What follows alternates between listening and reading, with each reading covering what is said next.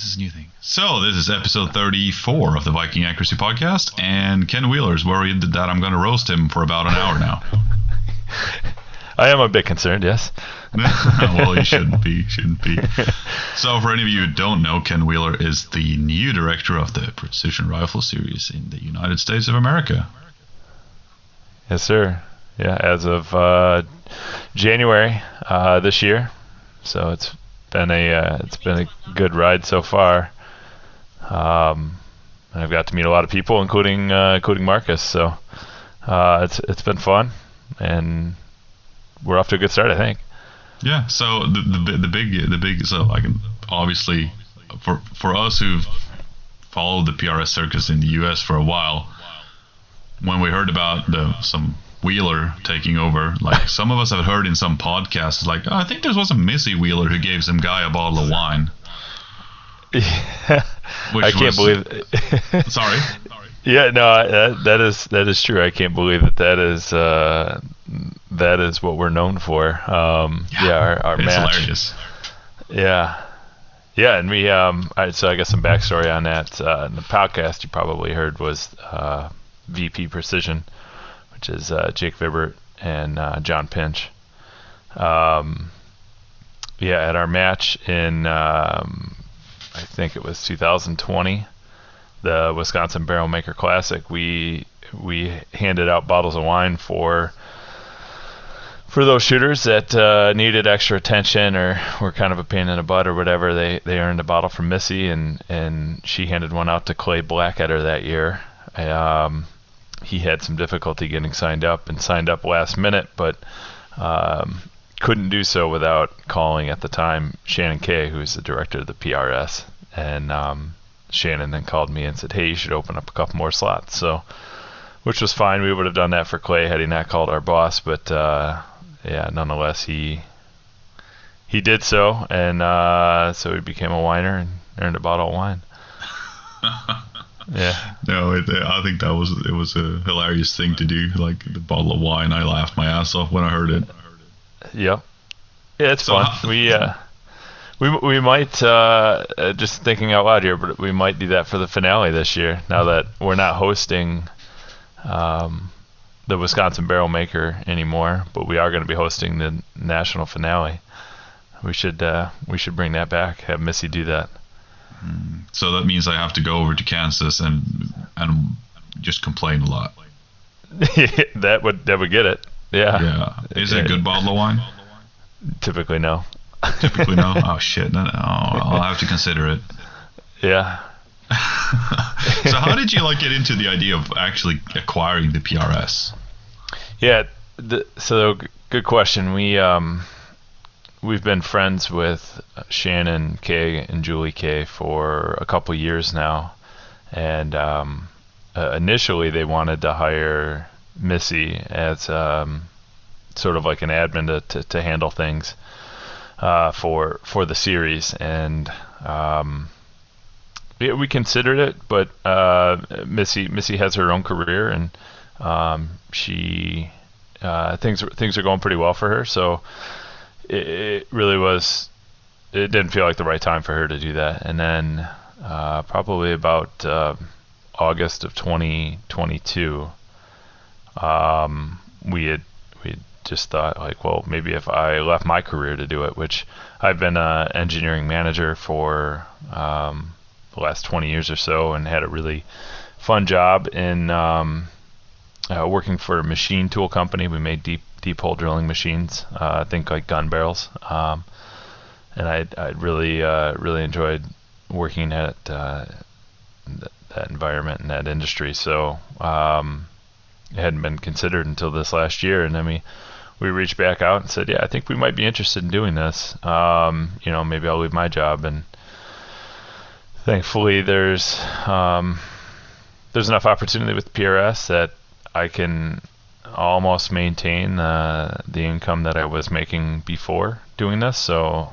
um, it seemed like a seemed like a good fit. And man, I'm really I, I love the sport. I love it a lot, and I love the people in it. And um, you know, it's something that I was excited. I became really excited to to consider. So um, yeah, a couple conversations turned into getting lawyers and contracts and all that stuff involved, and here we are.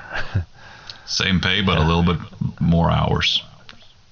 Uh, yeah, yeah, yeah. So I had not considered that. I, I, it's interesting. So I probably work 45 to 50 hours a week in engineering, and, um, you know, doing this, it, it I, I figured it would be about the same, but man, it, you never know when the phone's going to ring, and it's going to be, you know, it could be Shannon, it could be a match director, it could be Marcus, it could be anybody, and you know, we talk for you know, whatever it takes, you know, and and there's typically emails that come in at all hours of the night, so yeah, it's just always on call, but but it, you know what though, it's um, everything everything precision rifles my life, so it's not yeah, it's just not it, it, it's a good thing, right? Um, as long as I take time for Missy and the kids and all that, then it's a happy balance. Yeah, because I, I know what you're saying with the whole like it's a lot of hours, but it doesn't feel like a job. Yes. In that, yeah, in that yeah. way. So I had the same yep. thing moving in from move, working on like heavy steel equipment, like heavy ma- equipment, machinery, and you know steel industry. Yeah. And then all of a sudden started working within the firearms and sports shooting industry, and it's uh, like four years into it now, and it's like it's a fuck ton of hours, also including the IPRF, but it still doesn't like from doing 20 years of manual labor, now it's like yeah. still doesn't kind of feel like a real job. Yeah, it's certainly not as physical a work, right? No, it's yeah. just a jaw that gets really thick, you know, like a lot of talking, you know, jaw yeah, muscles. Exactly. yeah. no, so that's great. So when did you get into the whole precision rifle thing? Because this is something we have not talked about, you and I. I just know that you sh- shoot like a 25 GT and all kinds of high tech stuff. But like, go back to like your first MASH. Sure. When when did you decide to like this is for me? Like, I love this. Like, when did you get into precision rifle? Yeah, I I started shooting rifles with uh, a friend of mine, um, probably in 2009, and we bought some steel and we would set some stuff up at longer range, maybe out to a thousand yards, and we'd just kind of blink around, have fun. But at that time, it was we were into uh, a 308 Winchester, um, you know, AR platform rifles, right? Um, and it, it was just kind of fooling around, but it wasn't keeping track of points or impacts or anything like that. And then in 2016, I bought a uh, Remington 700 um, bolt action rifle, 308. Um, I had a decent scope on it. I think I had a like a Steiner T5. Uh, that's probably available over there too, right? I would imagine. Um, it was a decent scope. Uh, and then there was a opportunity here in Wisconsin for like a one day club match at the beginning of 2016, and um, I went out and shot that with uh, a loose scope base and um, had four impacts out of 60 or 80 shots probably. Um, just got my butt handed to me, and um, yeah, so then went back to the drawing board, made some changes, came out later that year. I think I had a 6.5 Creedmoor, and um, you know was shooting a lot better. Um, then in 2000, that, that went on for a couple years. In 2018, we actually started hosting matches uh, at a local range, and um, then had the PRS affiliation in 2018, and um, yeah, from from that it just grew into hosting a barrel maker, and then uh, uh, shooting more two-day matches, and and then yeah, uh, now we're at where we're at, right? Um, yeah, like you said, I shoot a I actually shoot a 25 GT now. This is my first year shooting a foundation stock. Uh, I've had Manners, I've had uh, MPA, uh, I've shot at Masterpiece Arms chassis. Um, the last couple years, I've been shooting Leupold. Before that was a, a Kahles. Um, yeah, I've been shooting 6GT or uh, some variant of that for the last, I think, four years.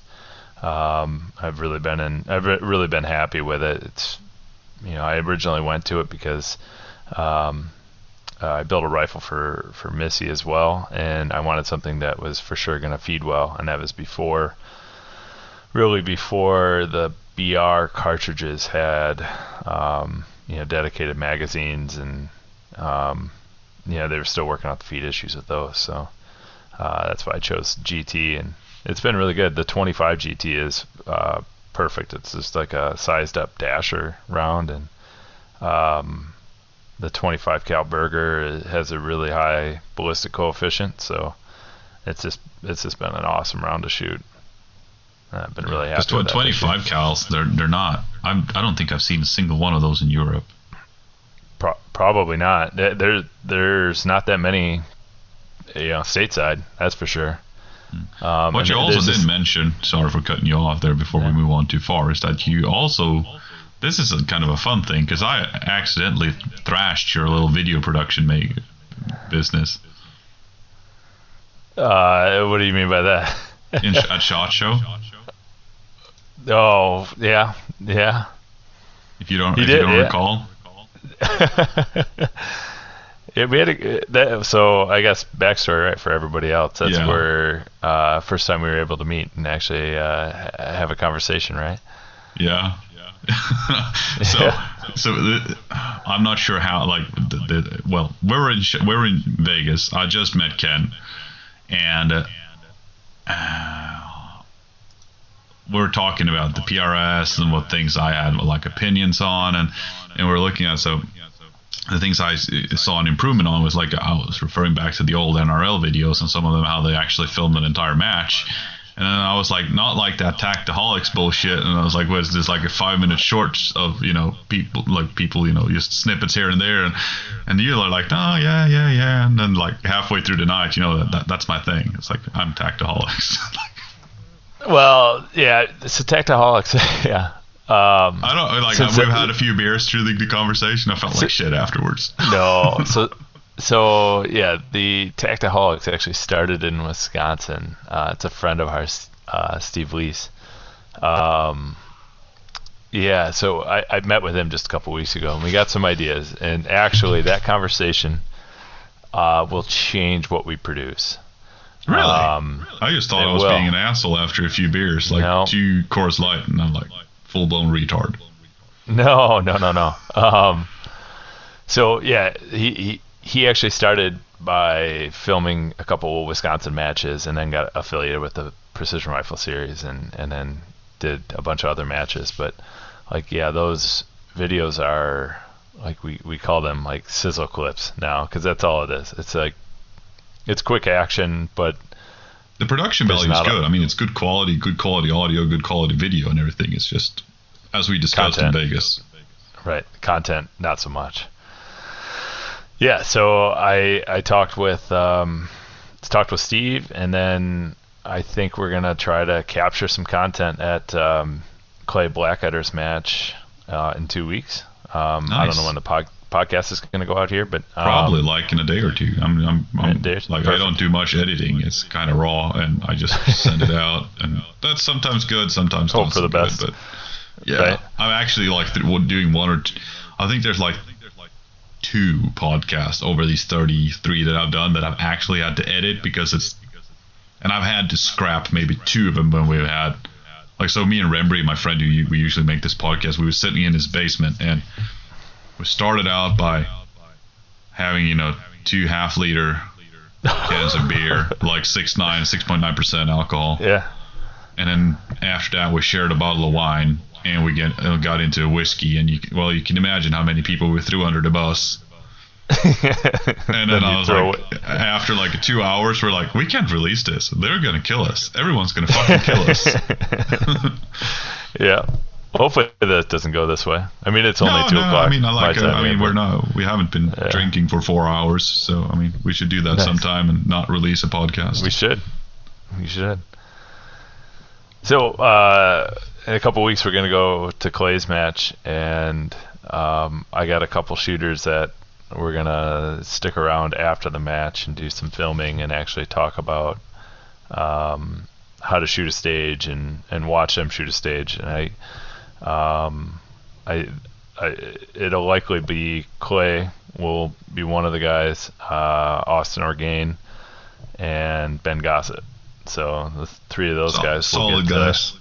Yeah, yeah, really good shooters and really good personalities, and we'll get them to um, we'll get them to explain some s- stage strategy and watch them shoot, and uh, hopefully learn something from it. So we'll uh, we're gonna produce a couple of those videos from that, and then hopefully some um, later this summer at a couple other matches. So um, I just got to figure out how to pay for it. That's the problem. Yeah, that's the problem. I mean, it's there's if there's a will, there's a way, but you just got to figure it out how to do it. Right, right. I mean, it's a really good idea, and it all started from the conversation we had. Like, you know, why don't you produce a video if you're going to pay for it? Why not have some content that people want to watch, right? Or watch more than once, you know? Yeah, and- and I wasn't too nice on the whole thing while I was talking to you about it. But then again, out like Yeah. as I almost screamed in your face, I I retract nothing. yeah.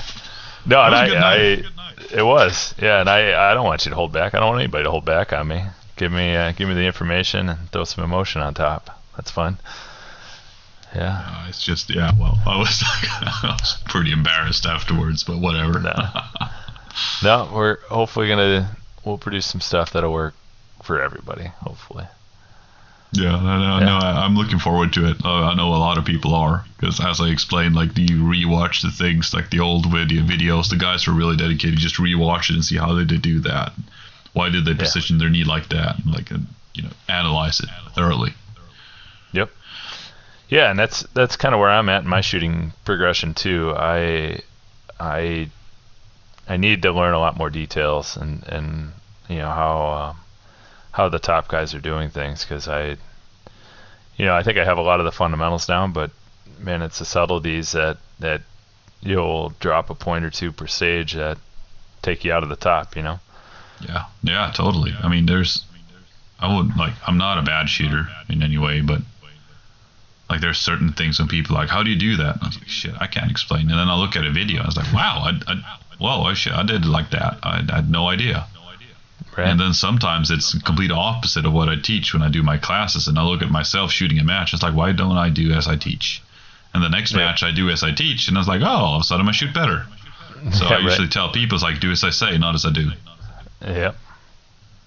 Yeah, I watched a video. I, I shot the uh, MDT Frostbite match last weekend, and somebody had taken a video of me on one stage, and uh, a stage that I timed out. I, I probably needed two more seconds at the end, and I watched the video, and I spent the first four or five seconds looking for the target uh, before my first shot. You know, it's just a big open plane, and I, I, you could see me pan left, pan right, still looking. Oh, finally found it. And after I saw the video, it's like, well, had I had a better game plan and knew exactly where the target was, I would have got my last shot off. You know, not timed Exactly. out. Yeah.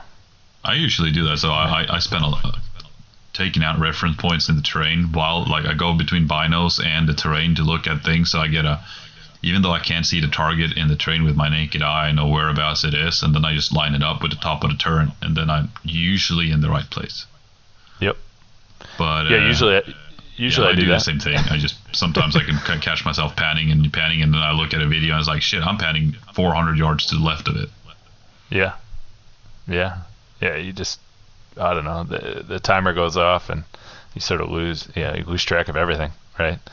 Yeah, Uh, that's. yeah. I mean, that's the difference between winning and not winning. Right. I'm, I'm Yeah. pretty confident that Ben Gossett doesn't lose track of time when the timer goes beep. He seems stone cold. Yeah, I mean, uh, I've I've I've got to see him shoot a couple times. Um, you know, as as a as a bystander, um, and he just he literally seems stone cold that nothing affects him. His game plan is rock solid before he gets started, and you know, and he gets going, and nothing's gonna take him off his game plan. You know. Yeah, that was pretty Yeah. sick when he cleaned the final day on AG Cup. Dude, I um, I wish I had it right here. I walked. I, I just happened to be in the right place at the right time. It and I wasn't the director of the series or anything at that point either. Um, but I watched him finish, and I watched the last piece of brass that he ejected from his rifle, and he he, he wasn't going to clean up his brass after that shot. I mean, I, whatever he he can do whatever Did you he wants. steal his right? piece of brass? I picked up his last piece and I took it to him and I said, "Man, I think you're gonna want to keep this. That's pretty cool, right? Like you're the first person to clean a match. Here's your last piece of brass." And he kind of looked at it, and he said, "Why don't I, Why don't you have it, man?" And then he signed it and gave me his last piece of brass. Uh, hey, like, you should keep this. And like, okay, that's going in my reloading room. Like, oh yeah, that yeah, that is a damn, damn cool uh, piece to have. I would I would cast it into a solid piece of plastic, just polish it, I would like as a Pla- cube. Yeah, that's not a bad idea. Yeah, that's pretty damn cool. And I mean, as as Buschman also said when he cleaned the Leupold match, and I think it was a podcast with uh, with Cortina, and he said like Mr. Clean, and Buschman's like, no, that's Ben Gossett. Yeah, yeah. That I, sh- I shot the Leupold match. Um, yeah, the targets were way too big. Just yeah, way too I, big. I saw one of the scope cams from that match, and I was like, I hope this is zero day, or like they're trying to like this can't be it. It's like mill and a half target diamond. I'm like, no, this can't be the match, and it was. it was, yeah. They were planning on more weather, wind especially, but they didn't get it. But I don't. I think as a match director, you don't. You just you you, you can't you put big know. targets out. Yeah, you never know. Just put smaller targets. If if people get beat up on smaller targets, it is what it is. Like, it can't be too know, big because we've had yeah. that issue on some matches in Sweden as well. It's like you literally 360 days out of a year you get a lot of wind and you show up at the match and it's not. Yeah. Yeah. And well, it's better to you like that that the winner gets 75% than he gets 100. Right. Right. Even though you shouldn't take away that no one else got 100%. So obviously Buschman was the guy who was like on fire. Yeah. Yeah, another guy that he I I've shot with him a couple times now, and he's like the opposite of Ben Gossett. Like he, um, Buschman's always fucking with you. He's always got something to say. He's talking trash the entire time, and he doesn't seem like he's focused at all. But then he gets behind a rifle and he doesn't miss. Yeah, you know? no, I saw that in Cold Canyon. He was just making. I was like halfway through, like three quarters through the match, and I was like, he's shooting good, but I'm like, this guy's not gonna win. Like he's just all over the place, making fun of people, fucking with everyone. Like some guy had a troop line and he was like a 12 round stage and he sh- ended up shooting like 10 and then just got up like he's finished. and then yeah. he's like got up on his knees and was like, oh shit. And then everyone's like, what the fuck are you doing? You got two more rounds. and he's like, oh, getting behind the rifle and missed the two last ones which were two bigger targets. And Buschman just ran up to him, so, "What are you doing?" Just get on on his knees in front of his face and just yelling at him. Well, that was easy. What What are you doing, man? and it was just like, yeah. shit. This guy's just doing everything but focusing on his own shooting, and he ended up yeah. second at the match. And I was like, wow, okay, that's how you got. It. That's how it's done. Yeah, that's how it's done. It was that's a blast Buschman. shooting with it, though. It was fun. Yeah, yeah, as long as you're not the target. I uh, I, I, uh, I sort of figuratively, I guess, and literally, uh, when I shot with him in Oklahoma la- uh, two years ago now, uh, and he hadn't won a match yet. Actually, I think that was the first match that he won, and we happened to be squatted together. And I don't know, I think six stages in, I had only dropped one point, and he was down like four or five. And um, I was shooting a production rifle, and I don't think he really understood what that meant. But then he started figuring it out, and then he just was relentless, just giving me shit the entire time. He's like, "That's not a production rifle. I've seen how good it shoots. Like, you know, you're, you know, this. There's no way this qualifies for production class, you know." And when he started giving me shit, my game went down, and then he stopped missing, and and he like, I think he won that match by three or four points. It was crazy. Yeah, that was another thing yeah. I thrashed. It was started talking shit about his production division within the PRS, and then you're like, I shoot production. I was like, fuck, not again. yep, exactly. I hit the curb on the first conversation, and like 15 minutes later, I hit the next one. yep, that's him. Man. But uh, yeah, no, it's uh, there's a lot of it. Like outside of the U.S., I know I talked to you about this. Production division is just a huge joke yeah, it's really different. Um, yeah, I mean, you have to be. It's a hundred percent production, right? Yeah, like but it, it depends. Like, like we're looking at so what we're looking at, like we're looking at the U.S. and then we see Like you got a the Badrock oh. rifle, MDT chassis, Defiance action, barrel, you know, trigger tech, everything.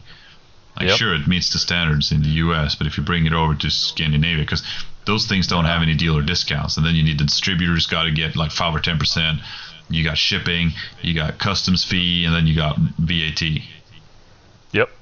So that Yep. twenty nine ninety nine dollar like dollar rifle is going to be like fifty five hundred or six thousand. Yeah. Yep. And, be, and because it's not and- all and at the end of the road, it's going to be even cheaper building an actual impact on a foundation because there's actually dealer discounts on them. on the individual components. Yeah. Yeah. So th- that's Yeah. so, and we look at it like GA Precision makes a production rifle. It's like shit. That's still like full custom gun. Oh yeah, that's why I shot it. Yeah, You know? it's a fantastic piece of like. I mean, like, Yeah. the only thing is like it's not bedded, but in the rules you can bed it. So it's like, oh wow, interesting.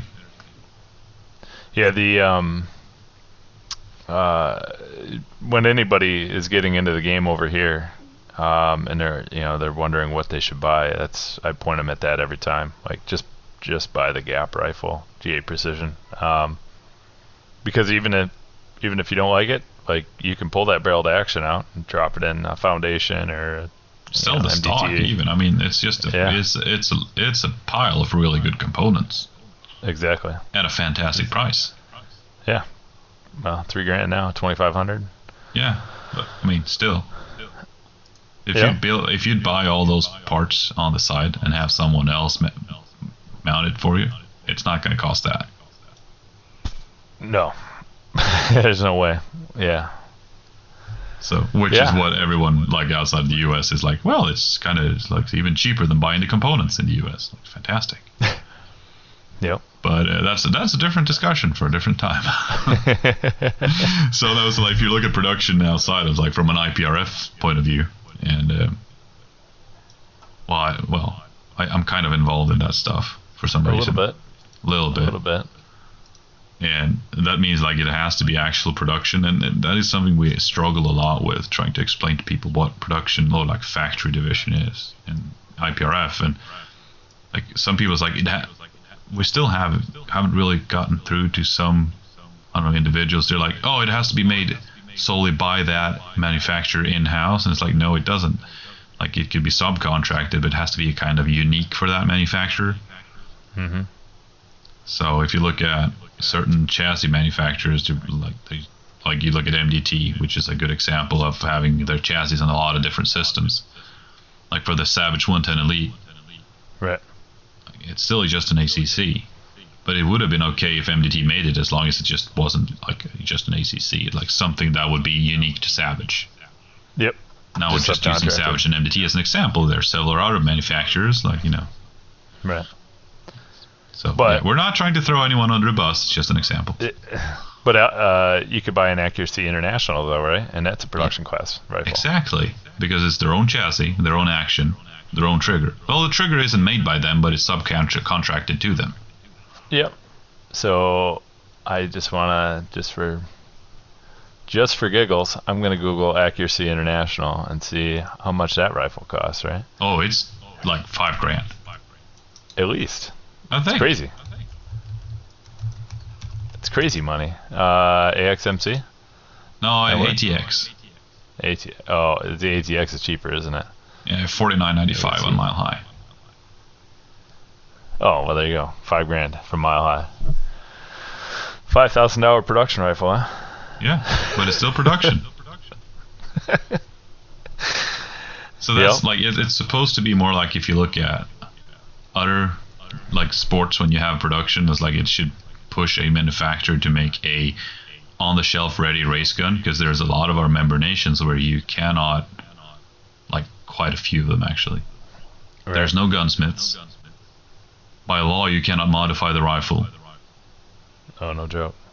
So if you get into like, and you can't have custom guns, it has to come from like a, a like it has to go through what you call like pressure, like Sipsami or like proof houses or anything. And it's only the major manufacturers who are like doing that in those countries. Right. And if you don't have race ready guns on the shelves, then really there aren't any options. So the the idea of the the, the our like type of uh, factory division is to make mainstream manufacturers produce off-the-shelf race-ready guns. It's not supposed to meet a price point or or like be entry level or anything. It's just off-the-shelf race-ready for all the countries that cannot have custom rifles. So would the Gap rifle actually fall into that? I mean, he's produced like, 300 of them now, right? No, it's not about the volume. It's about like the having the components being unique in some way. And I'm not sure. Like he, they'd have to submit a form. Perry, uh, the South African guy, is actually going through everything. So, uh, there you go. So if I, am not, I haven't looked into the GA one, but if he has a stock that looks uh, that is just his own, that it's not branded like uh, Manners, like like it says it's just a yeah. Gap stock. Yep. And then he has an action that is unique to him and a trigger that's unique to him. Then all of a sudden it's a production gun. Yeah. And there's no price point. Because we can't really like we wanted it to be a set limit and it might be one day, but it is not right now because you can't like this early on, let's say you wanted AI, it's like, oh, you have to make 500 ATXs. Like, really? Like, start off the bat? Like, it, it's got to start somewhere. It has to, yeah. I mean, if let's say Beretta wanted, like Sako wanted to go in and make a Tikka that's all race gun ready, and it's like, no, you have to make 500 of these. But like, we can't make like you can't justify making 500 just to fit a division, like to start off right. with. Right. So, you know, you have to cut like. You sorry, continue. I was gonna say, I hope they build that off the TRG. I I actually started this whole deal shooting the TRG. Really? I shot a, yeah. I think that is the finest rifle out there. Um, but unfortunately, doesn't. It's which not, TRG did, we, did you have? I had a 22 and I had a 42. Oh, nice. Um, I I thought I was gonna be super smart and like shoot some of these big open field matches, uh, like out out west where it's wide open and lots of wind. So I had a TRG 42 chambered in 264 Win Mag, um, and I was shooting oh, 150, yeah, 150 grain bullets at like 3100. Um, yeah, so I didn't I didn't have to hold much wind, but no shit. Yeah. Yeah. right. Um, and that was out of I had it in a uh, I think it was a 21 inch barrel, so it was pretty short, short barrel, um, with a suppressor on there. I, I mean, I thought I was, I thought I had it all figured out, but I did not. But I'll tell you this: the TRG trigger, like I've never, I, I love the two stage triggers too, but I don't think there's a better trigger out there, and I can't believe we went like this whole sport adopted the Remington 700 style, you know, pinned trigger when there's something like the TRG trigger out there that has one screw that from the bottom take the whole assembly out with the trigger guard and everything. You know, you can swap it out right away. But no, oh, I know. We, I started out with a Tikka that's the exact same trigger. Yeah, you yeah. got a TRG trigger and a Tikka trigger, but they're like, because Tikka's obviously Pretty budget simple. and TRG isn't, so. Right. But I, I know the thing. It's also the so currently I'm having massive issues fire forming BR to Dasher, false neck. Stop. Let's stop doing that. Just stick, stick with BR.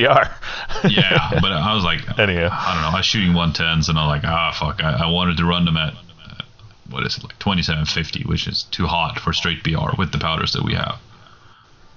So I was like, yep. oh, I don't know. I was kind of bored, and I was like, I want to try Dasher. Like I've shot five BR barrels out now, so I was like, I want to try Dasher, see what happens.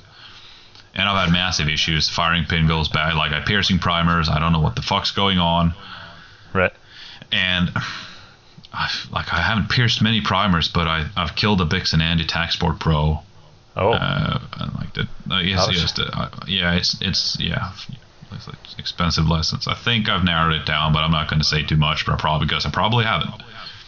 But remembering back to when I had my original Tikka, the first BR built in 2017, I think, and I had an issue with the brass that I bought once fired from a friend. He bought it was shooting it in a factory gun for the ISSF 300 meter competitions. Mm-hmm. brass. And he had a pretty big chamber so I needed a small base die, which I didn't have to start with, so I had to oversize the brass to fit the chamber, and my headspace was massive. So I think I shot the first like couple of three, four hundred rounds and pierced every single primer because of massive Yeah. headspace. And I'm telling you, that Tikka firing pin, nothing happened to it. Nope. That Tikka trigger, nothing happened to it. No. I'm not gonna like say anything bad about it because I love impact action and it's probably because I know that it's gonna kill any 700 trigger because it's the way the action is designed and everything. It's just killing my triggers. Yeah. Yeah. No, I mean, th- th- there's guys over here that have the same issues and end up having to carry, you know, spare firing pins or bolt assemblies and, um, you know, triggers drop and all that. Like it, that's just, it's kind of just what happens when you, when you have all these generic parts that can all fit together, right? They all 700 platform. It's not all Yeah. designed together, right? No, it's it's just I'm just looking back at the Tikka how I shot so many. I mean, it's it's it's a Tikka. It's made to like pretty much the whole system is like it's it's, It's a good system. It's a good Yeah. system, but then I was like shooting so many Pierce primers and looking into it now how like five Pierce primers killed my trigger. Man. so why? All right, let me ask you. Uh, I know you're supposed to be interviewing me, but why do you want to go faster? I don't want to go faster naturally. Like Okay. I've, I've been running. Oh, I, I got to go with feet per second now because you're American. Well, I I was gonna ask you that too. Yeah, so you probably meters per second, right? Yeah, I do that. Which is I'm what- gonna just what- open a little. So I'm in France. I was running my 110s at the World Champs. And that's 26 four- 2640. 110 eight. Perfect. Yeah, perfect. No, that's absolutely pro- perfect. You can you No. can uh, super high BC bullet, and you can see it. Twenty-six forty. Yes. You can you can you could probably pull your head off your scope, go back into it, and still see it. Still Yes. getting there. Yes, but now you, there's the problem. There's very little signature when you get out the distance. Splash. Yes, like the target didn't rock. I had this issue. I shot in France in May at the what was like the Euro Champs, and then I shot the Worlds at the same range, and I noticed the same thing. I was like not getting consistent. Like the targets didn't rock enough. Like seeing left Yeah. to right, I'm not. It wasn't good enough. And I used to run the A tips at uh, like 2740 Okay. and which was I was I was really comfortable with that because I shot real nice and everything. But 2740 with the Vihtavuori powder and the 110s was like during summertime a bit hot. Yeah. So Yeah. I want to run that 2720, 2740. You can do that. Yeah, for sure. Yeah. But That's why, and, and I wanted to be at a, a- like a mild, really mild load, and Yeah. that is a mild load in a dasher, but it's a hot load in a BR. yeah. So I'm not going to run it that much faster. I'm not going to. I'm not going to be like fucking 2900 or something. No, that that's ridiculous. Yeah, I think want, 20 I'll tell you an interesting thing though. When I started shooting BRs, speed was the thing in Sweden, like 2017. You had a Oh, lot yeah. of unknown distance matches. Everyone was just fucking gunning for it. You had 6555 AIs yes. with heavy bullets running real fast. So I ended up getting a 28 inch tube with 105 hybrids, and like. Guess how fast I pushed the 105s in that tube with bit five with Vihtavuori of 550. oh, over three thousand, right? Which Yes, sir. which would be what maybe hundred meters per second, ninety meters per second, something like that. Yeah, 30 40 I shot it. 30, 40, Geez, oh, wow. Yeah, that's crazy fast. Yeah, and I left the brass at the competition because it was during the winter, and like when spring came, because it was like six feet of snow. And so during summertime, like the match director would go up to all the stages and collect all the exclusive brass. You know, BR was kind of a like it wasn't really common at the time, and Yeah. he picked up all this brass, which I had Norma brass, which is the softer in the primer pocket compared to Lapua. It is here too. Because I was going to trash the brass anyway. I don't know. I'm, I'm not picking it up, so I'm going to use Norma brass because I got piles of it. yeah. And then he went on like the Norwegian version of like Shooter's Craigslist, and it's like 200 pieces of uh, Norma brass selling it. I was like, you better check the primer pockets and those things before you sell them. And he's like, why? And I was like, push one Yeah. into it, like size one, and you'll know when you put a new Yeah. one in. It's like all of a sudden Yeah. he dropped them off the site. Push them, push them in with your fingers. yeah. I had, I had a buddy that uh, he was shooting 300 Win Mag here, and um, he had he had pressure issues. We were at a match, and he had um, hundred pieces of brand new 300 Win Mag Norma brass that was maybe two dollars a piece, and he the primers just fell right out of him. You know, he actually super glued them in and used them again, and then left the brass. Like he's like, I got to get at least two firings out of these. But then, super super glued primer pockets in, he, you know, primers, and he he left the brass there, and then one of our buddies like, you're just gonna let that lay around? And he's like, yeah, take it if you want it. So he he collected them all, all day, and we didn't tell him that they were glued in, you know. Figured out probably. Oh yeah, yeah probably when you break a decapping pin, you know. Super glued primers. Shit, it works. hilarious. It works. Oh yeah, If- I've heard yeah. guys do it. I just like haven't like I've heard rumors of it. I just like directed like this. No. It's always some guy who heard of some guy, and I was like, really? Yeah, I think- I think go. I think slower is better. Um, Oh yeah, every day of the fucking week. Yeah, if you can see it, you know, and you know maybe not with a with a 105 or smaller bullet, but I, would- I would have thought a 110 A tip. I've been thinking of like actually wanting to run like a six five dasher. Big like 156 grain A tip 135 A tip. and 135s. Yeah, that would be cool. That would be That's just an really slow. I don't know how slow it would be though. Like, could you probably do? You could probably. You should be able to do 2620. Yeah, maybe like a six five GT would be a little more appropriate because then you'd probably how be right fast at do you run your 27 25? 2700. 2700. Yeah, you should probably. That's- yeah, that's. 822 meters per second. Oh, are you just quick with math, or did you have a screen? No, I got it. I, I I brought it up so we could talk the same language here. Because there are people who are really good with math, and I'm not one of them. No, no. Like I, I, tell people, like, like, like, I'm sorry, I'm a welder by trade. I don't do like intelligent stuff. So that's uh, that's pretty hilarious. Oh god. So- So, are you shooting the Viking Trail? Druner's Uh, asking.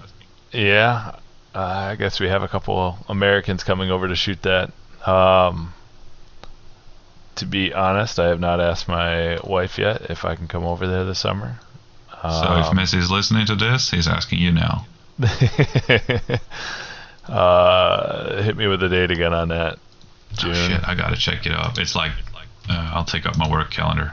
I got all the matches in there. July, July My boss will not like me. No, it's like May.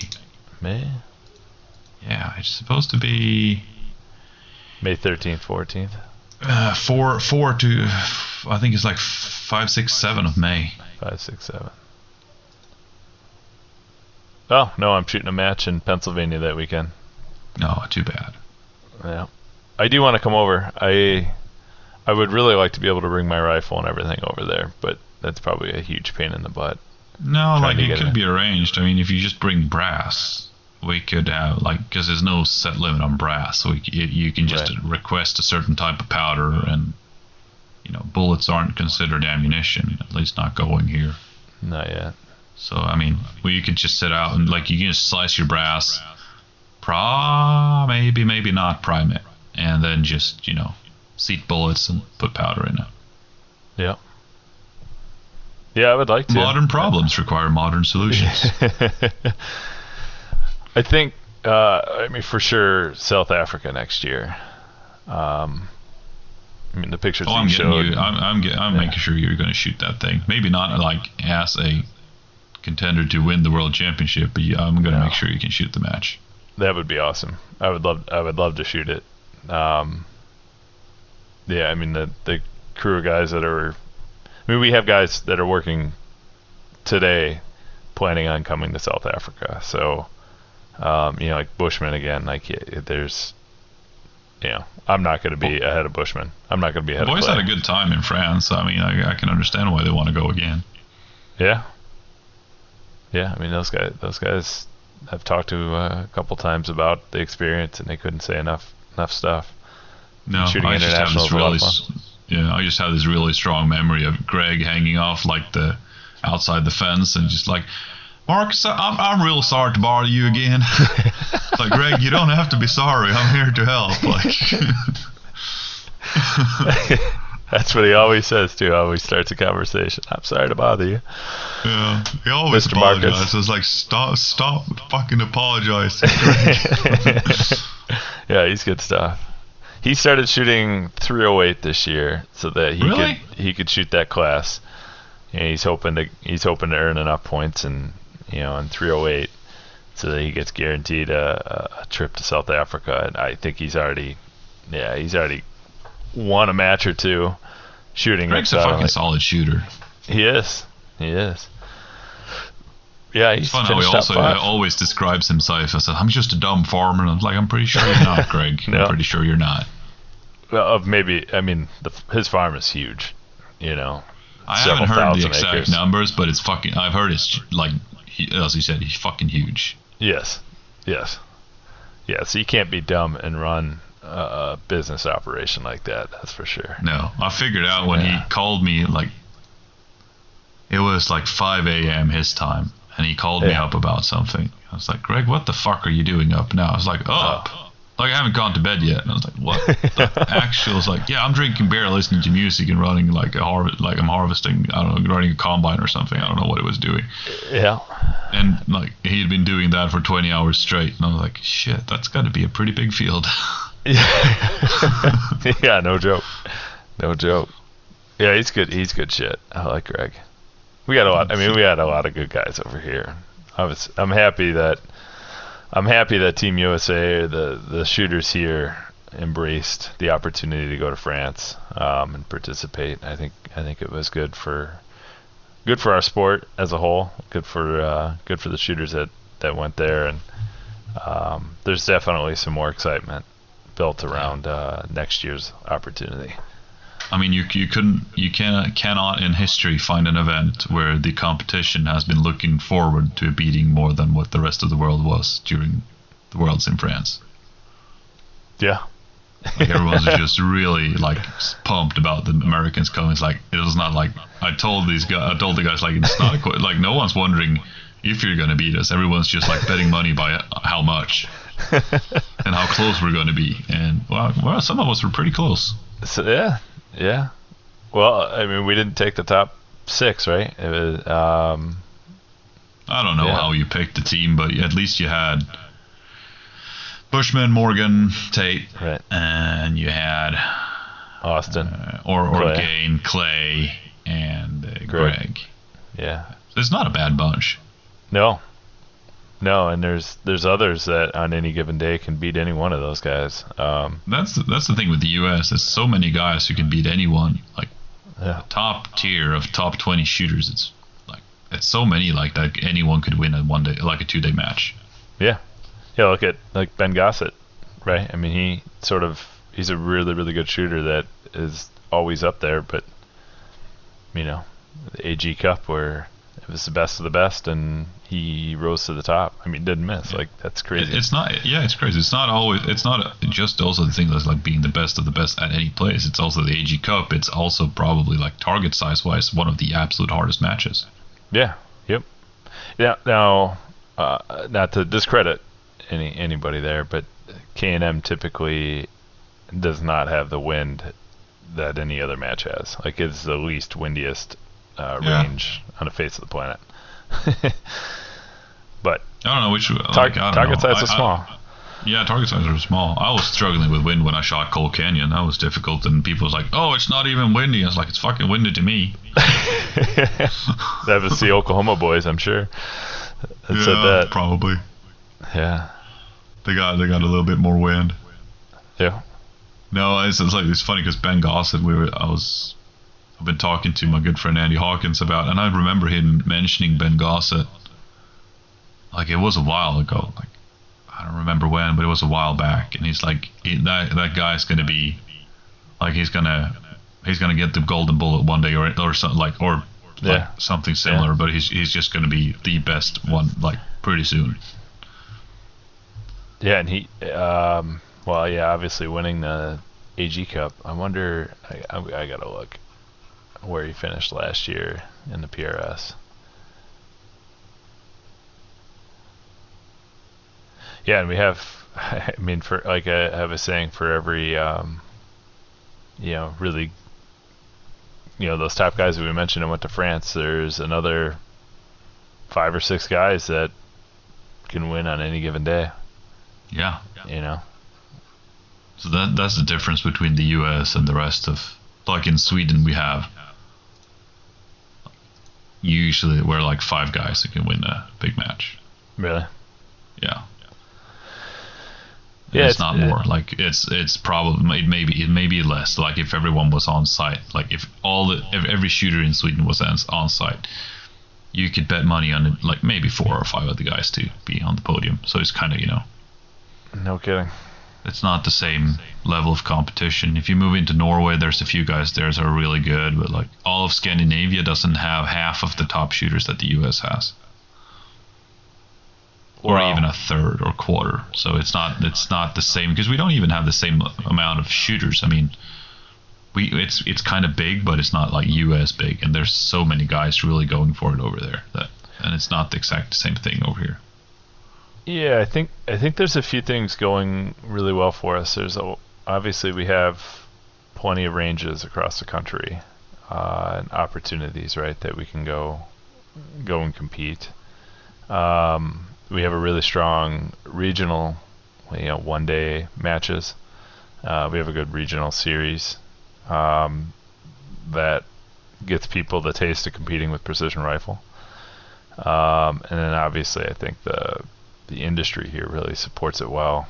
You know, we have, you know, not not just who we currently have, like Impact and Foundation and Manners and all these companies, right? That that really get behind it. But then there's there's seemingly more every day, and it's really easy to get in this industry and support it and create products for it. Um, and it seems like I don't know. There's like at least for everybody else in the in the world, there's always like uh, a hurdle to get over before you can just get into it. You know. Yeah. yeah. Also, before we go anywhere further, speaking of impact, and you know, like I just want to do a big shout out to Tate because, like in France, he literally gave me a firing pin assembly. Just like, uh, like in case you need it. And like he's like, not. I don't think that you ever will, but just in case. And I was like, oh shit. I'm like, I'm, right now I'm very grateful for it because now I have like I can experiment back and forth. And then I contacted him about piercing primers, and I was like, I fucked up one of the firing firing pins, and my hangers like kind of busted up. And he's like, shit, I'll send you new ones. Yeah. He he is awesome that way, man. He um yeah. I wasn't Yeah, I- expecting that, like that type of response. We're not used to it over here. And he's like, I'll send you new ones. What's your address? I'm like, fuck, thanks, man. Yeah. No, he is one of the most generous people in our sport. Uh, he's he's just got a huge heart, and he, I mean he he'd do anything for anybody. You know, he's an awesome dude. Yeah, but Yeah. uh, another thing that you said about like the amount of match opportunities, we had this conversation, me and my buddy, uh, also on this podcast, but in Swedish. So anyone who's listened to this and doesn't speak Swedish will not have known about it. right. But um, so th- everyone's like, oh, they have so many match opportunities in the U.S., and that's usually what you hear on podcasts, and that's also how I usually talk, and like it's so many match opportunities, and then you, I started like thinking, I was like, the U.S. is pretty damn fucking big. Sorry Yeah. for the language, but I cuss a lot, but at times, but and then I was like, when you was going down from Milwaukee down to Texas, and I was like, Did you look at that on a map? yeah, like 19 hours. Yeah, I'm driving. Yeah. And I was like looking at how far is 19 hours? And that's like from Sweden to northern France. Yep. Like at least from where I live. It took me Yeah. like 17 hours to get to the world champs in northern France. And that would be for a weekend match. And I'm like and then I saw I, I've flown twice to England to shoot at Bisley now, the British matches. And I'm looking at like the amount of matches we have. We have some in Lithuania, we got Norway, we got I think we got maybe one or two in Finland, and people are like whining. It's like, oh, there's not enough match opportunities, and then all of a sudden one match pops up that are really fantastic. It's like six hours away, and they're like, no, it's too long of a drive, and it's like, you shut the fuck up. You're complaining about match opportunities, Right. and then one day you're saying like, oh, the U.S. has so many match opportunities, and I was like, yeah, and some guys will never have less than six hours to a match. Some guys, yeah, I mean, like the Oklahoma guys, which is, you know, largely why I think they are as good as they are, is that they have really high quality matches all within a couple hour drive. Yeah. You know. Um, yeah, just for reference, uh, the of course I I'm a nerd like this. The entire length of Sweden is about uh, well 1,700 kilometers or 1,000 miles from Yeah. far south to far north, and that's how far I am from where I shot in Texas. Yeah, exactly. Right. Yeah. Now I probably should have flown that instead of drove it, but whatever. It's easier with rifles if you, you know. and We had a couple guys that flew down, and I just took their rifles and all that. So that's you know. Yeah, but if you look at it anyway, like from flying, look at let's say you're supposed to. Now it's domestic, so it's easier, but Yeah. you're still supposed to be there. You got to park your car, or someone's got to drop you off. You got to check your rifles. You got to wait like an hour before the gate, and you got a two or three hour flight. You land. You have to go through TSA with the rifles, and you got to check it out. You get into a rental, and all of a sudden that like 19 or like 18 hour drive was all of a sudden a 10 hour thing to get like through. For flight. Yeah. So you didn't. Yep. It's You like you look hours. at the you and and you save yeah you saved eight hours, but like you, it's still and then you on the way home it's still the same thing. You got to return the car, you got to check your rifles, and you don't you're not like you can't just bust out from the mash and get in a car and drive because the convenience about just getting your own car and driving is like you're probably at the end of the road saving four hours each way. Yeah. And Yeah. is that really worth it though? Because you look at the flight time, it's like oh it's just two hour flight, but it's just but everything before and after that. Yeah. Exactly. Yeah. I like driving. Um, I'm gonna probably go out to the Hornady uh, PRC match, which is in Utah. Um, that's one of my, one thing that's on my bucket list as well. I so I shot that um, t- 2020, I think. Yeah, that's about a 1,200 mile drive, um, but through mountains and stuff too. But I uh, I shot that in 2020, and was just blown away by it. The property that that is on, um, you when you leave the blacktop roadway and turn onto the property onto the gravel road, and you go across like a cattle gate that you know to keep cattle from going out on the highway. Um, from that point to where you get to where you shoot is an hour drive, and it's on the same property. It's like Oh, two hundred and fifty thousand acres big. It, it- like, oh, I mean, you can see for 30, 40 miles. Like, you know, from from the road, you can see 30, 40 miles into the property, and you can't even see where you're going to be going to shoot. it's that far. that's- yeah, I wouldn't mind having that. Just, just the right amount of neighbors if you live in the middle. Yeah, yeah. I mean, you're an hour from the edge of your property, driving fast. You know. Yeah, that's like I used to work on a cattle station in, in Australia, and we had like a hundred and 120,000 acres. I remember, yeah. and I was I was thinking that was like huge, and this place is at so it's twice the size. Twi- twice that, yeah. Yeah, it's an unbelievable place, and the conditions out there to shoot are, are nothing like I've ever seen. I shot really poorly. I and I was completely out of my element, finding targets, um, trying to hold wind in targets where your wind is anything from like 10 mile an hour to 25 mile an hour, mid stage. that, that's also difficult when you get into the dry, like um, uh, like you see Yeah. up there in Utah, Wyoming. You got New Mexico as well.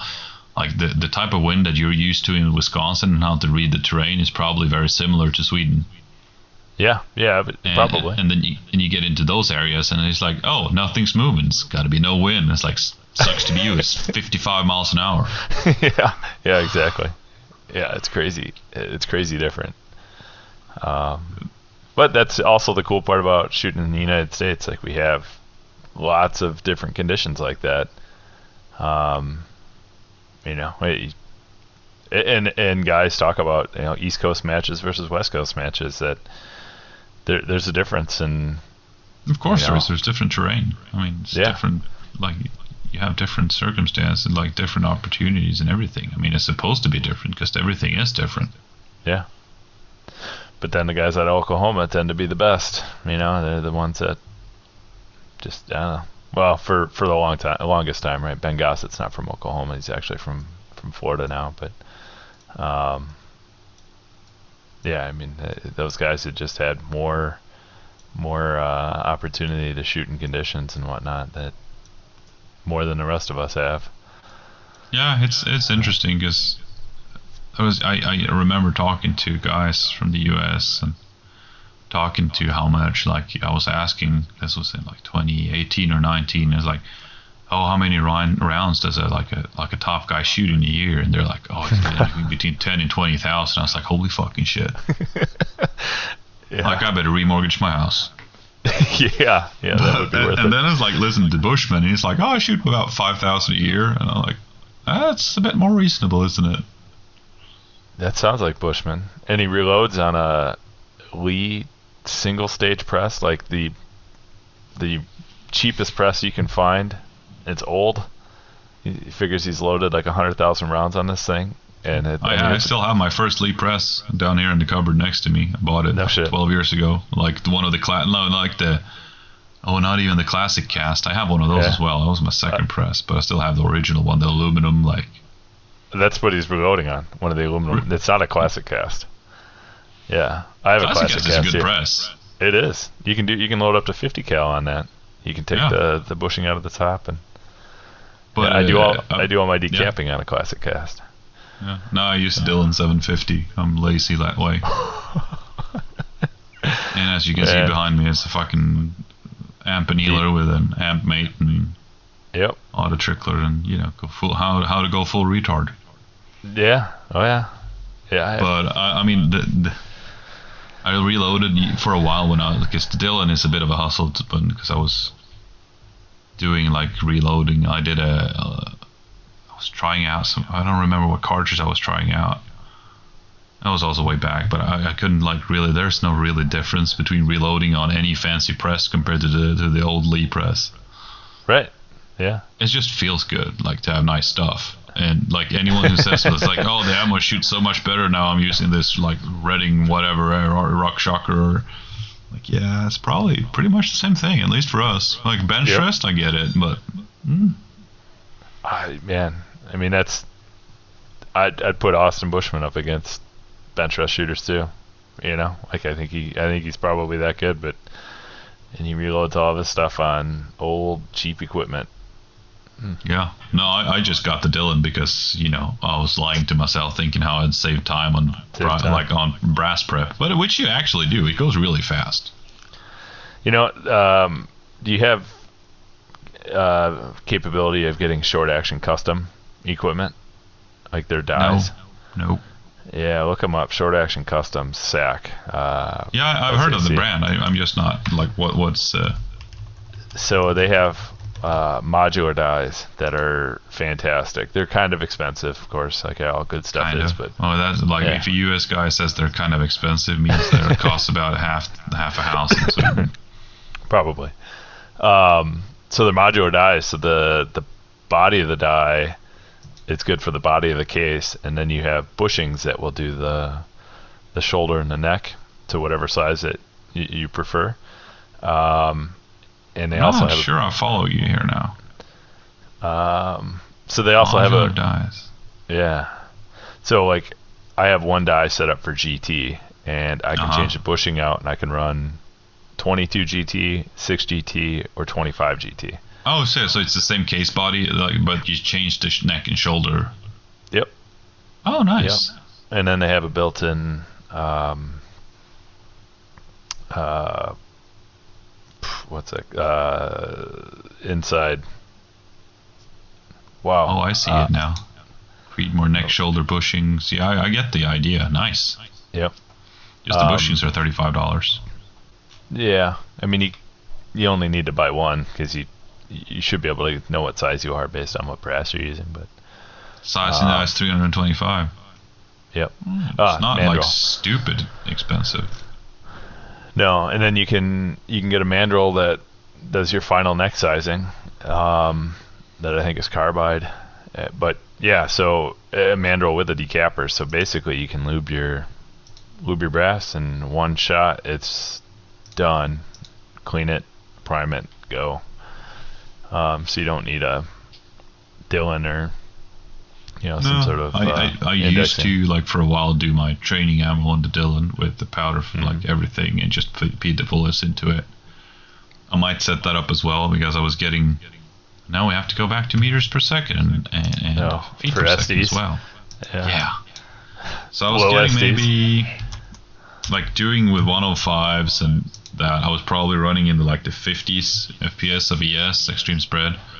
Okay. So yeah. like uh, no like less like yeah in the low fifth like low high mid to high 40s I'd say that Sure.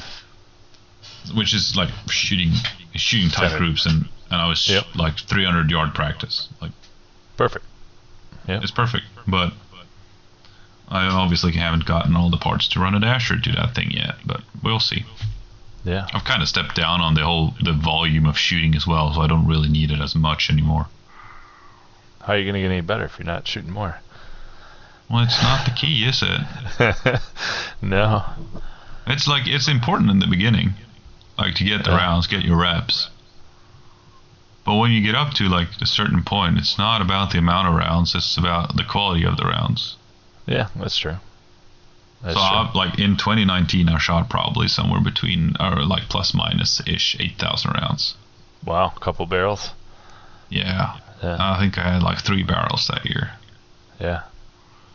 and which was insane. I shot really good. I mean, I shot the Guardian match in Ireland and ended up second there, and had a bunch of US guys at the match, which was kind of huge for me. Yeah. Not like any top guys, but like still decent shooters.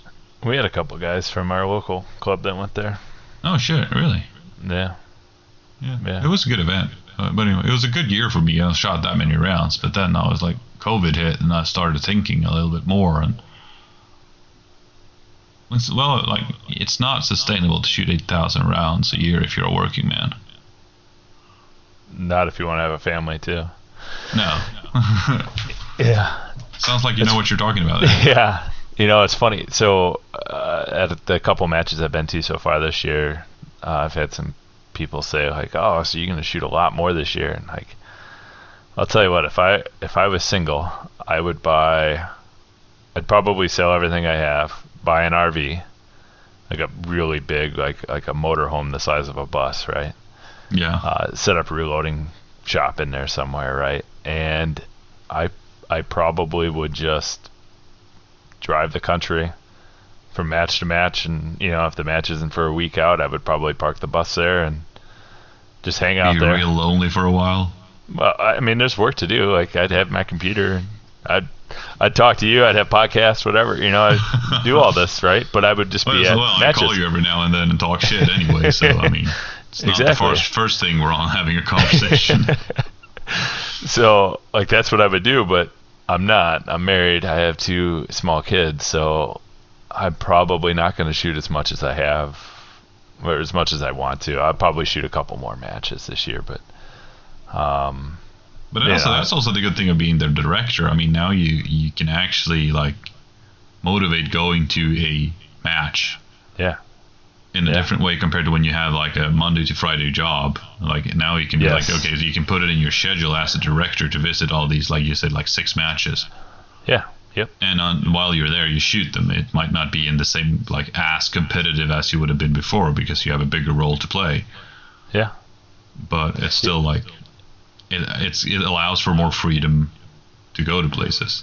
A- and to prepare to go to places too. I Yeah. uh, you know last week I, I don't know I loaded four or five hundred rounds um, for my rifle and a buddy's rifle, and it was not a big deal to do that from six in the morning till ten in the morning, you know, and just get ready. Where normally I would have been at work, and then all that would have happened after work, and then would have fought for time between, you know, hang out with Missy and the kids or load ammo, you know. So, yeah, that's probably the. I don't know. It's one of the. It's one of the best aspects of this now is that I, I work from home, and if I'm loading ammo, that's still work, you know. Yeah, because I mean, you're doing it while you're like available and taking calls and you know thinking Exactly. about answers and how you're going to solve different problems and All of Europe's there, problems, there's right? there- yeah there's things to solve yeah. Yeah. which we don't have to get into right now. That's that's work topics. we're So- working so on it though. We're Yeah. working on it. Yeah, that's that's, that's a good thing. We're working on it. and We're moving forward, and everything's like going to be in a really good place eventually. I think so. I think so. So what are your like taking over the like? Let's try to get like now we're going to be a little bit serious because you said you have Sure. an hour and we're in like an hour twenty now, or like an hour. Are 10. we? Well, see, it's easy talking to you, man. That's not the worst thing. No, no. Well, I take that as a compliment and I back You at you. Yeah. I'm all blushing now. But so like now taking over the the PRS and like I mean Yeah. like did you have any plans going into like direct things that you wanted to change or you just like this is a perfect per, like a really good perfect thing that I'm acquiring and I have no intention of changing or like did you have set things going into it that you like these are like five things that I really want to change. Yeah. Um, I did not have a list of things to change. Um, I actually had uh, a lot of confidence in the organization itself. Um, I, I've been a part of the PRS since Shannon and Julie took over in 2019, and it was a complete clusterfuck back then. And So I've heard. yeah, uh, at least domestically, right? I don't think at, at that point there was probably not a whole lot of PRS in, in Europe and the rest of the world. No, there wasn't any international stuff to talk about. I just know that Right. There's been a lot of drama and you know as you said clusterfuck is a good description of it but i just know that well i am 100% positive that without Shannon Kay the prs would not have been there for you to take over Fact.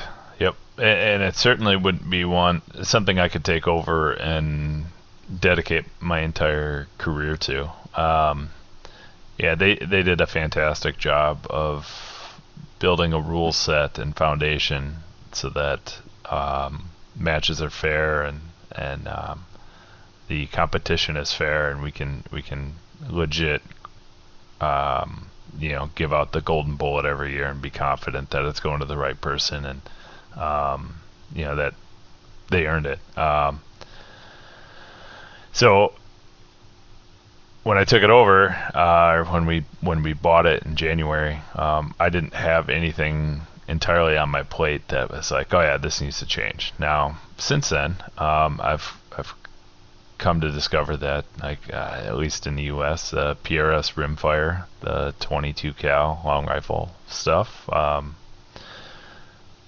hasn't gotten a lot of attention in the last couple years, and um, I think there's a lot of opportunity there for the sport and shooters. So we're going to give that some more attention. Um, I have we we get we assigned two Rimfire directors, so co-directors, Greg Stewart and Matt Steiner, and those guys have done a done a really good job so far, kind of getting things organized. And we're gonna I actually got a call with them in a couple hours here that will probably last for a couple hours tonight.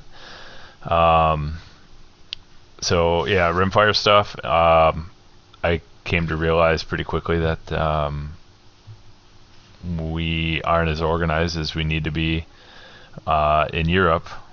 Um, you know, there's obviously the affiliate uh, PRS uh, countries that we have, um, and there's you know maybe some tensions in, in some of those countries and who wants the affiliation, who deserves it, and all that. So we're working through some of that, and then, um, yeah, that's probably the two biggest things. And then uh, also pro series stuff in, in the U.S. The West Coast hasn't hasn't gotten a lot of love from us either, and that's typically where the NRL was. Well, the NRL, at least on the race gun stuff, doesn't exist anymore, and you know the West Coast guys deserve some attention. So, um, yeah, there isn't. It, there isn't any one thing that's like, oh yeah, I would change that. And what's funny, I uh, my friend Matt Partain, I'm really good friends with him. He he came to funny France last guy year. really funny guy Really funny guy. He's awesome. He um he came to me when we were in Texas and he said he asked me the same question. You know, like, hey, you know, do you ever think there would be that one thing you would want to change? I'm like, no, no, I not one thing in particular. And he said, well, I, I have one. so like, okay, Matt, lay it on me. He's like, here, it's a rule change. So if you have a if you have a mechanical failure, um, say your trigger goes down, right, where you close your bolt and it just sends it. Uh, um, that's that's an accidental discharge that is mechanically related that you can then fix and prove safe again, and then continue. So if you put a new trigger in, uh, you can continue the match. You don't get booted right from the match because it was a mechanical thing. Uh, proven safe again, right? Um, but if you're all the way through a stage or you're working on a stage, you already have some impacts. You don't get to keep those impacts. That stage is a zero. That's the way the rule is currently written. Um, I said, yeah, I mean, but how often does that happen, you know? And he said, well, I've seen it happen where a guy, you know, had like six or seven impacts and his trigger went down.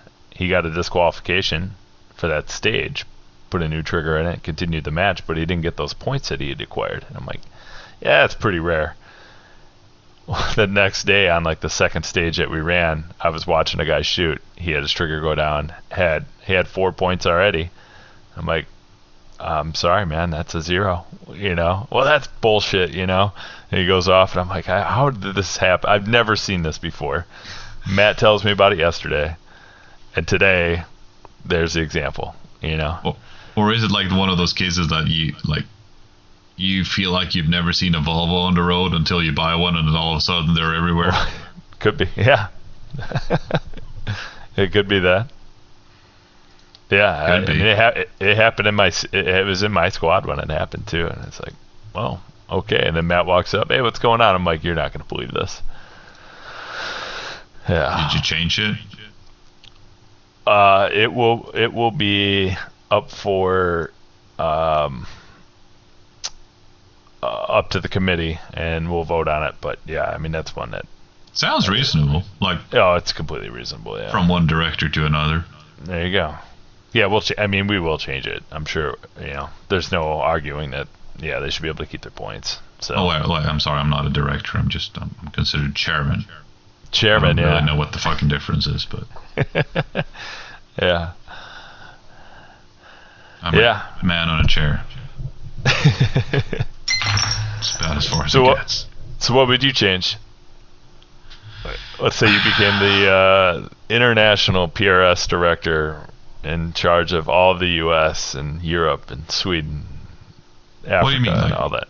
everything. Mean? If you were in charge of everything. If I was in charge of everything, holy shit. What would you change? Well, that's a tough question. I think I'd look more on instead of having because there's so many countries on such a small like surface. Like if you look at Europe, now I'm just thinking out loud. I'm probably going to step on some toes, but that's nothing new for me. You've experienced that firsthand, Ken. Uh, I have, yeah.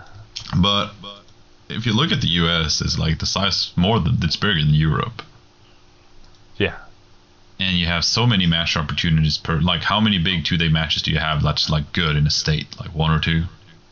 Yeah, one or two. If you look at 42 state, total. Yeah. Yeah, if you look at a state, it's more of a country in Europe. Mhm. So, if you look at Europe as a whole, it's more like the U.S. and have like a more of a centralized European style PRS circus. I don't know how the fuck that's gonna happen, but that would mean it would be more high quality matches to choose from instead of having a series of high, like you could have club level series, but more like a bigger series in all of Europe, and then you could do like like Africa, South Africa, Africa, Namibia, and all those other countries, like the southern tip of Africa. Now, now South Africa, for those of you looking at the map, it's not that small as you think it is. It's fucking huge. Big. Yeah. But like there's other countries like parts of the world where it makes more sense to have more like a wider regional one. Like the, pretty much like what we've talked about like what they have in the Central European PRS series where they combined a bunch of countries. And well there's things that are going on about that, but like that's more of I think that's of a that's a good thing way to go because I don't think there are enough high quality matches in a single country to make it a good series like good high quality series.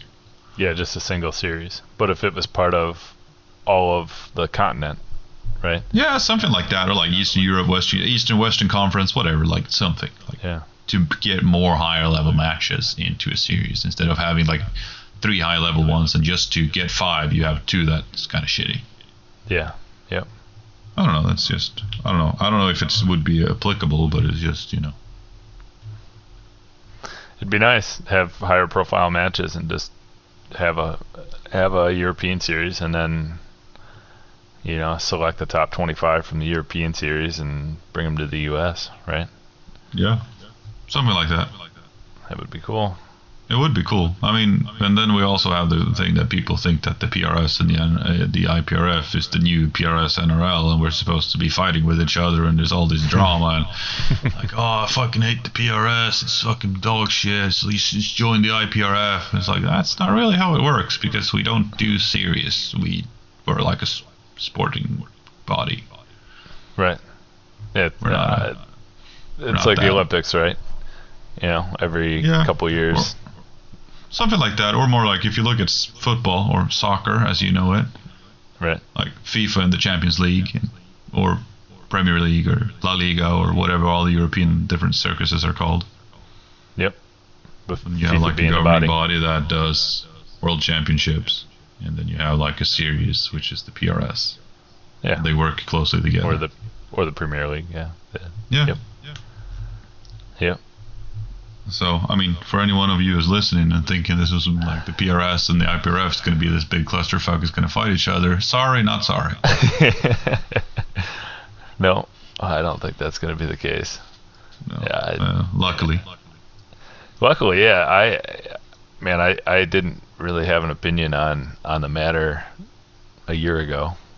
I thought it was cool that there's a cha- you know world championship happening, and I was really looking forward to seeing how the U.S. would perform.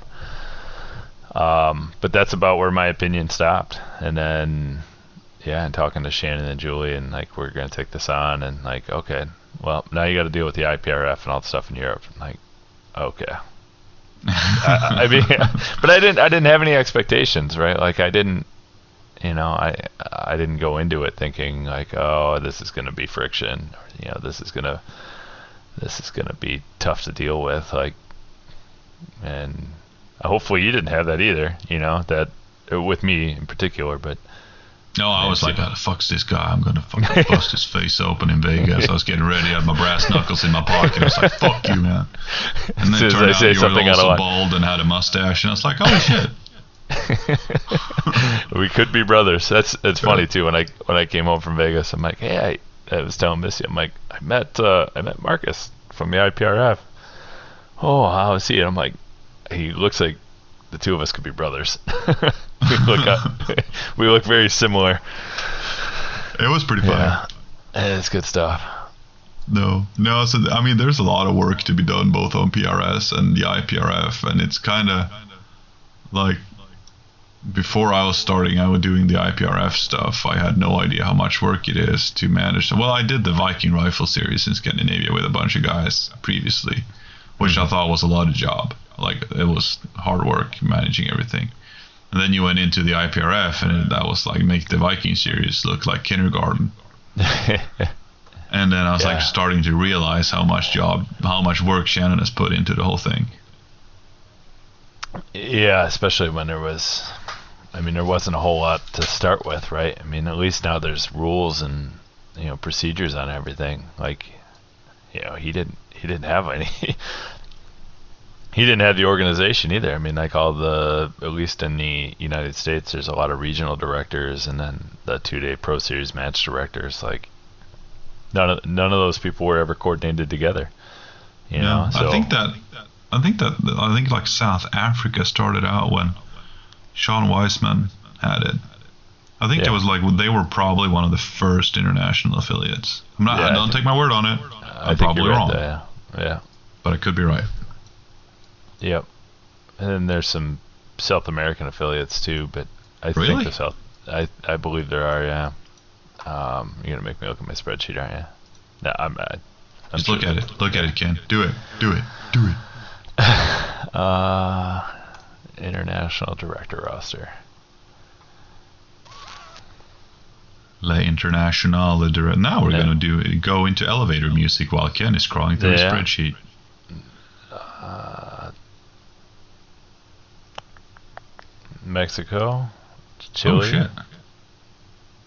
No, that's it. Do they have actual Chile. series down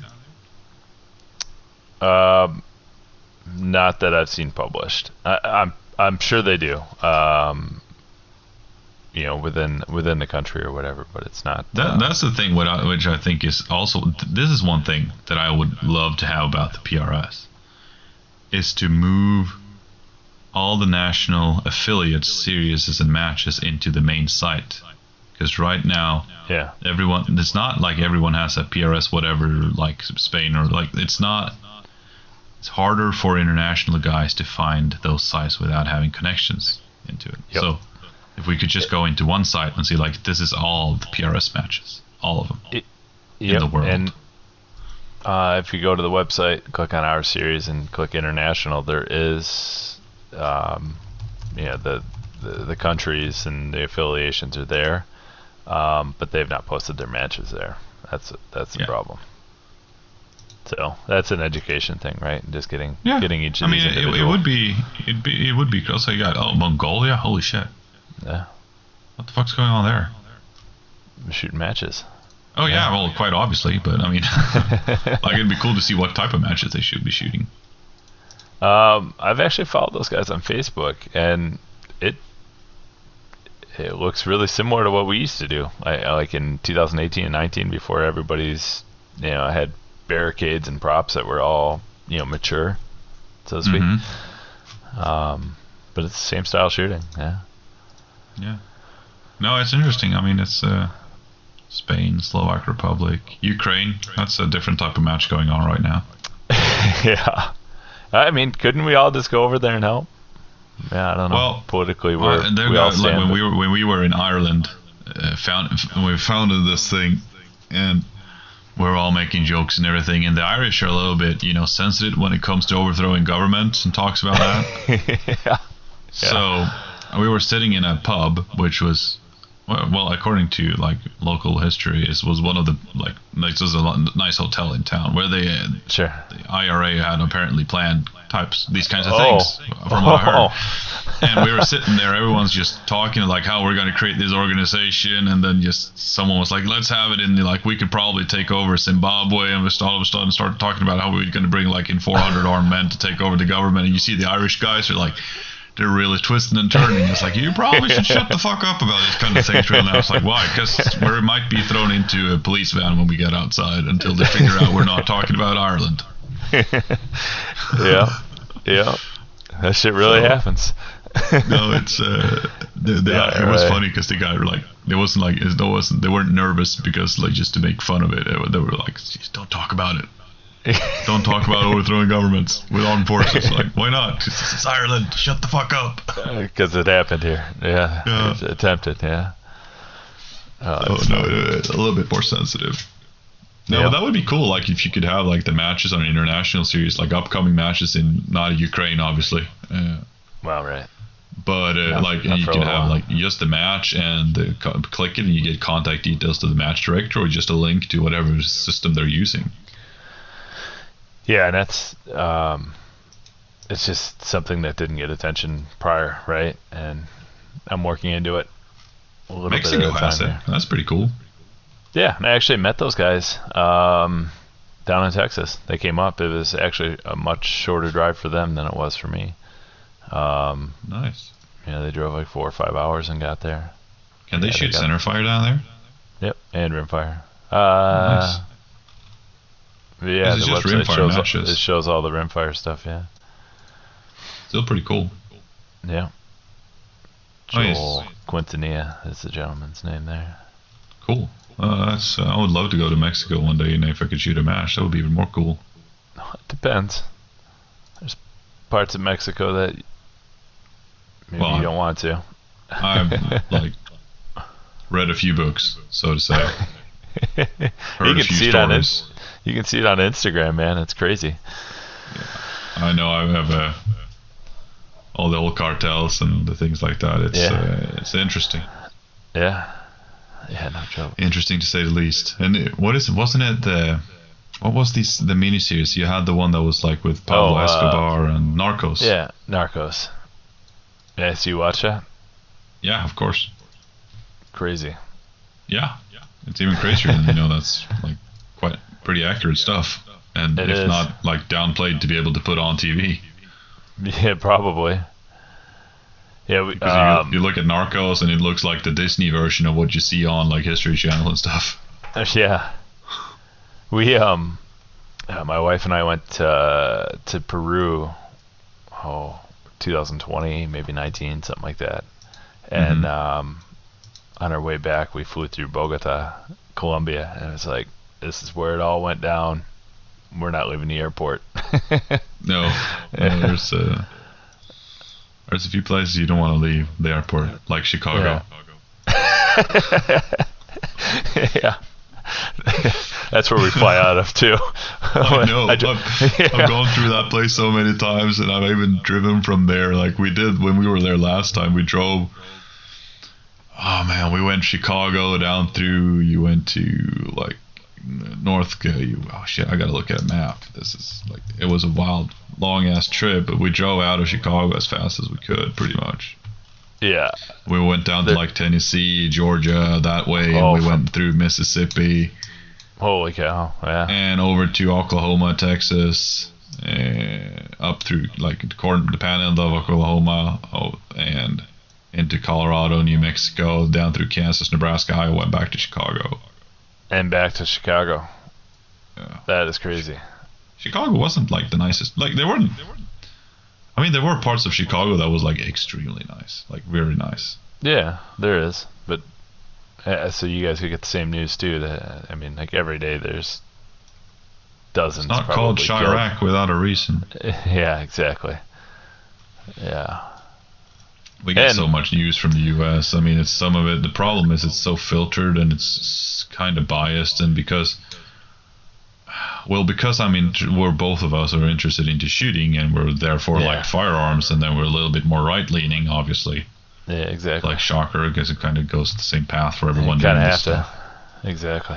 But, and then you look at the news and how everyone is like right now they're like all what you all the stuff you see on Instagram is like how people are pissed off about the U.S. supporting the war in Ukraine and how they're sending money and ammunition and blah blah blah and, and all of us in Europe are like really pissed off about that type of news because it feels like the U.S. doesn't understand or like at least the population like the government gets it for for the first fucking time nice. like, yeah. like they're spending the one percent of what it would cost in a few years if they didn't. Oh, if we went full on.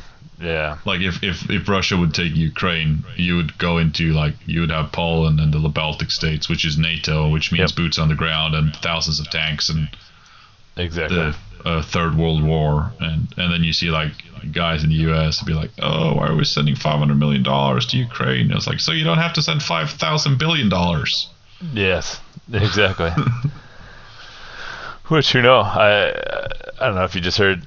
Yeah, we're getting political, but there's no longer oh, the one of the treaties, the nuclear arms treaties between Russia and U.S. Russia pulled out of yesterday.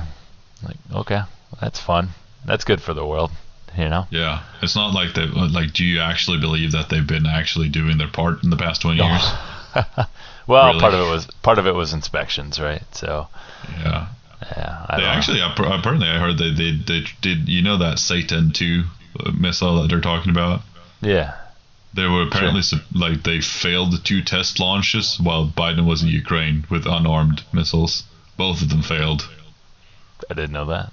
So there's supposed to be like this whole show of force and everything, and it's like, yeah, none of them left the ground. I guess I'm not surprised. Well, I don't know. It's like you don't know what to trust anymore when it comes to news. So Right.